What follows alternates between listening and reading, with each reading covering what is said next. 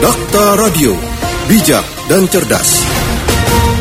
Rekan Dakta Ketua Forum Honorer K2 Indonesia atau FHK2I DKI Jakarta Nurbaiti mengkritisi terkait dengan pernyataan nomor unik pendidikan dan tenaga kependidikan atau NUPTK dalam alokasi dana bantuan operasional sekolah atau BOS untuk guru honorer yang mengatakan persyaratan tersebut terlalu memberatkan. Kami akan memperbincangkannya pagi hari ini bersama dengan Ketua Forum Honorer K2 Indonesia, Ibu Nurbaiti. Dokter Radio, bijak dan cerdas. Assalamualaikum Bu Nurbaiti. Ya, Waalaikumsalam warahmatullahi wabarakatuh. Bu, di mana sisi memberatkannya bagi teman-teman uh, guru honorer terkait dengan uh, NUPTK ini? Iya, jadi gini Mbak, NUPTK ini kan adalah nomor urut pendidik dan tenaga pendidik yang diterbitkan oleh Kemendikbud.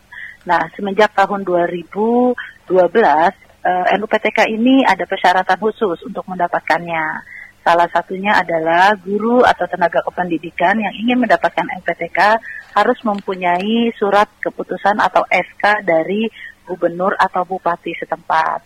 Nah, jelas ini kan untuk guru honorer dan tenaga pendidikan ini diangkat oleh kepala sekolah. Jadi ha, salah satu syarat ini sudah tidak bisa kita penuhi, maka sudah tidak bisa lah guru honorer mendapatkan NUPTK tersebut. Hmm.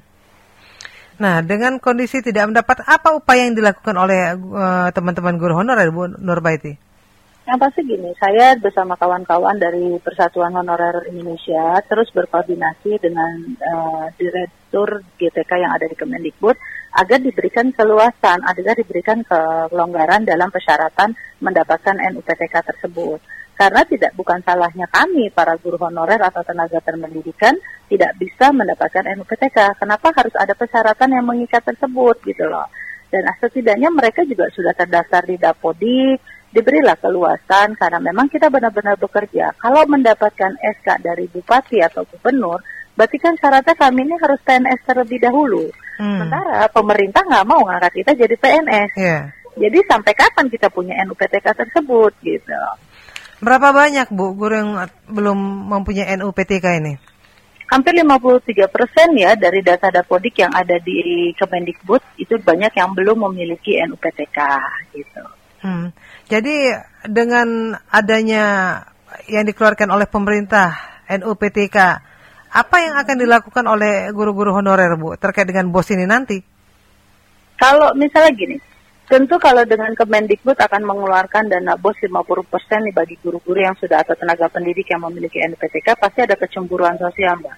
Di lapangan pun akan lebih menggejolak lagi karena sudah ada ke diskriminasi antara mereka. Beban kerja mereka sama, tugas mereka sama. Jadi kami berupaya kepada pemerintah coba dikaji ulang lah. Kalau memang mau memberikan itu, usulan kami dari teman-teman Forum Indonesia dipukul rata saja, dibagi rata. Contohnya salah seperti pembagian keuangannya itu dibedakan melalui pengalaman kerja. Misalnya 0 sampai 5 persen dibagi dari 10 persen anggaran eh, 0 sampai 5 tahun pengalaman kerja dan biasa dibagi 10 persen. Hmm. Yang 5 tahun sampai dengan 10 tahun bisa dibagi 15 persen. 10 tahun ke atas bisa memperoleh 25 persen. Artinya ini berkeadilan untuk keseluruhan, gitu loh. Nah, tetapi kalau memang sampai batas pemerintah sudah bisa menentukan, oke okay, kita kasih kesempatan dua tahun mereka punya NUPTK, silakan itu dibagi, silakan itu uh, diberikan. Tetapi persyaratan mendapatkan NUPTK ini juga dipermudah, jangan dipersulit buat kawan-kawan gitu. Selama ini teman-teman honorer melihat ini dipersulit, Bu? Sangat dipersulit, karena dengan adanya SK dari bupati atau gubernur tersebut, itu sangat dipersulit. Hmm. Selama ini seperti apa dana bos? Kalau dana bos kan kita terima selama ini hanya 15 persen ya, dan itu seluruhnya dari uh, dari pemerintah kepada Pemda. Pemda baru menyalurkan kepada sekolah. Skemanya tentu lebih banyak lah alurnya. Sekarang kalau memang Mendikbud mau menurunkan langsung masuk ke rekening sekolah, itu memperpangkas perjalanannya bos, lebih cepat diterima oleh sekolah.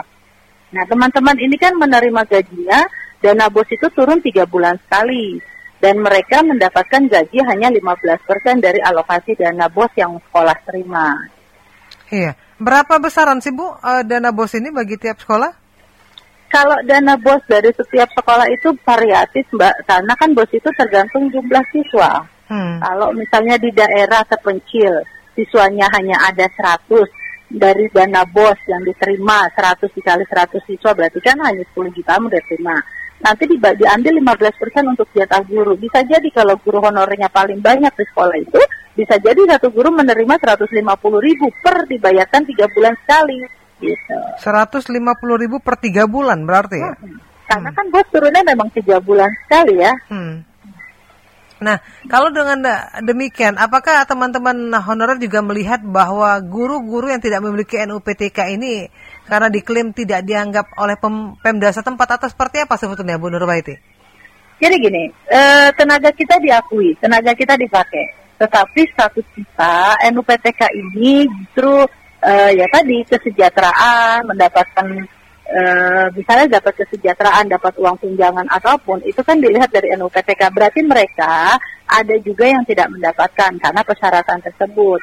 Kalau kita bekerja, Mbak, otomatis kita masih dipakai. Harusnya diakui lah sama pemerintah. Tadi yang makanya saya katakan jangan lihat dari uh, SK-nya itu yang atau yang dari bupatinya itu, tapi pengabdiannya mereka bekerja ada. Harusnya pemerintah melihat, oke okay lah kita berikan mereka gitu loh kalau dulu kan mendapatkan NUPTK itu persyaratannya hanya satu tahun mengajar, gitu hmm. gitu kan. Satu tahun mengajar, punya SK kepala sekolah bisa diterbitkan. Nah ini di tahun 2012 muncullah peraturan yang baru bahwa untuk syarat mendapatkan NPTK harus memiliki SK gubernur atau SK bupati. Yang mau tidak mau itu harus PNS ya Bu ya? Iya harus PNS. Makanya dari 2012 sampai sekarang mereka tidak mendapatkan itu. Terdaftar di Dapodik sudah gitu loh. Iya. Jadi apakah sudah ada pembicaraan atau pertemuan membahas tentang ini, Bu Nurbaiti? Kami terus Mbak berupaya, kami juga sudah mengirimkan surat kepada Pak Menteri, khususnya Pak Mendikbud, untuk mengkaji ulang lah. Dan kami juga sudah minta kepada Komisi 10 untuk persyaratan ini coba dikaji ulang kembali gitu loh jangan sampai nanti malah ada diskriminasi bagi honorer yang punya NUPTK dengan yang tidak punya NUPTK. Kalau kita sadari ini kan jadi perang antara saudara honorer nih, hmm, gitu kan. Iya. jadi kalau peraturan lama sebelumnya seperti apa, Bu Nurbaiti?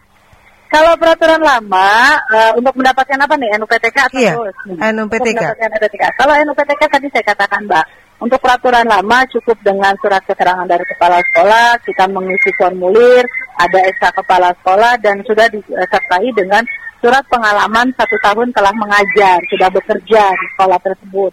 Itu bisa dimunculkan NPTK-nya. Nah, tahu, kita langsung dapat nomor, kita mencetak kartu. Tapi kan dari saya bilang, dari 2012 mereka tidak mendapatkan itu.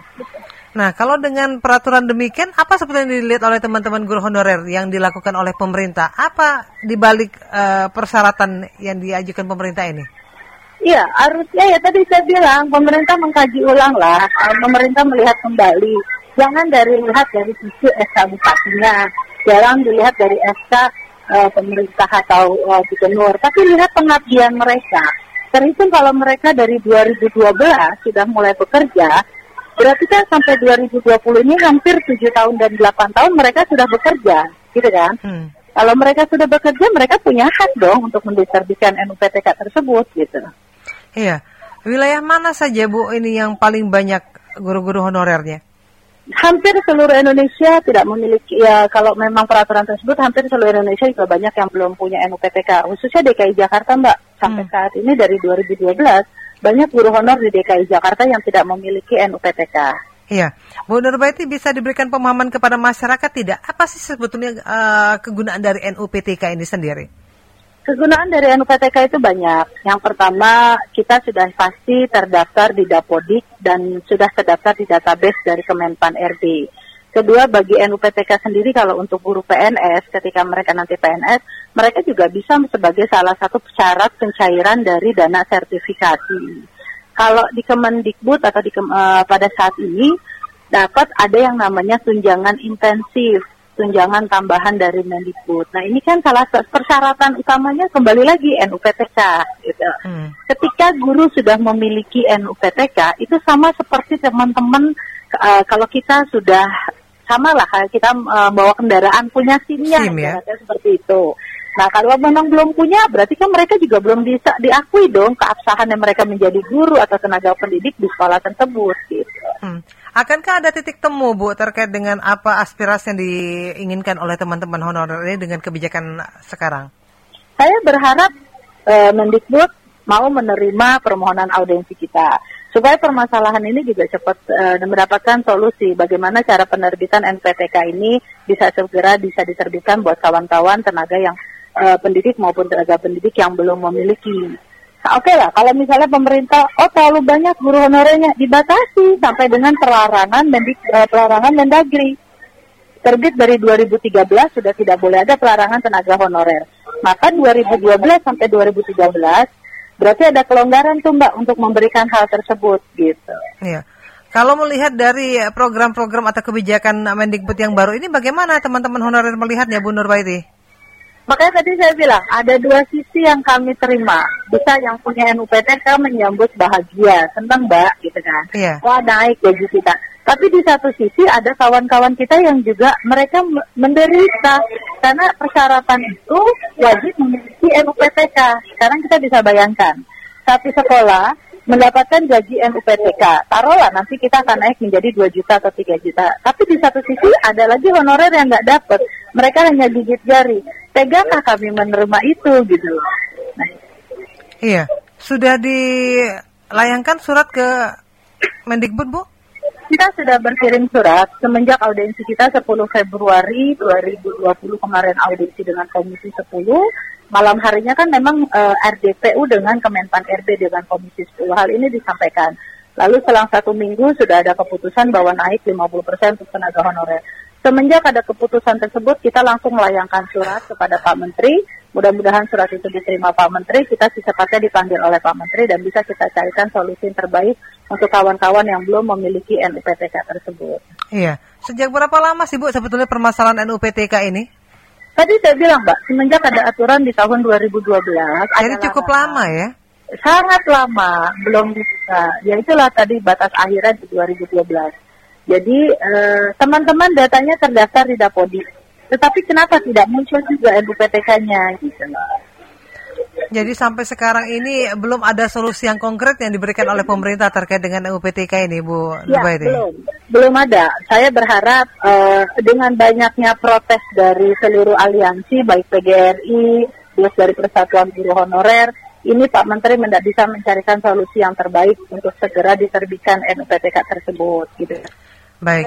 Kalau dilihat dari masa kerjanya lagi dari 2012 itu bisa kita terbitkan. Bu Nurbaiti terima kasih atas waktunya berbincang bersama ya. Dakta. Mudah-mudahan ada titik temu bersama dengan Menteri nanti Bu. Amin. Amin amin ya. ya alamin. Mohon doanya buat semuanya. Assalamualaikum warahmatullahi wabarakatuh. Waalaikumsalam warahmatullahi wabarakatuh. Dakta Radio, bijak dan cerdas. Ketua Forum Honorer K2 Indonesia DKI Jakarta Ibu Nurbaiti.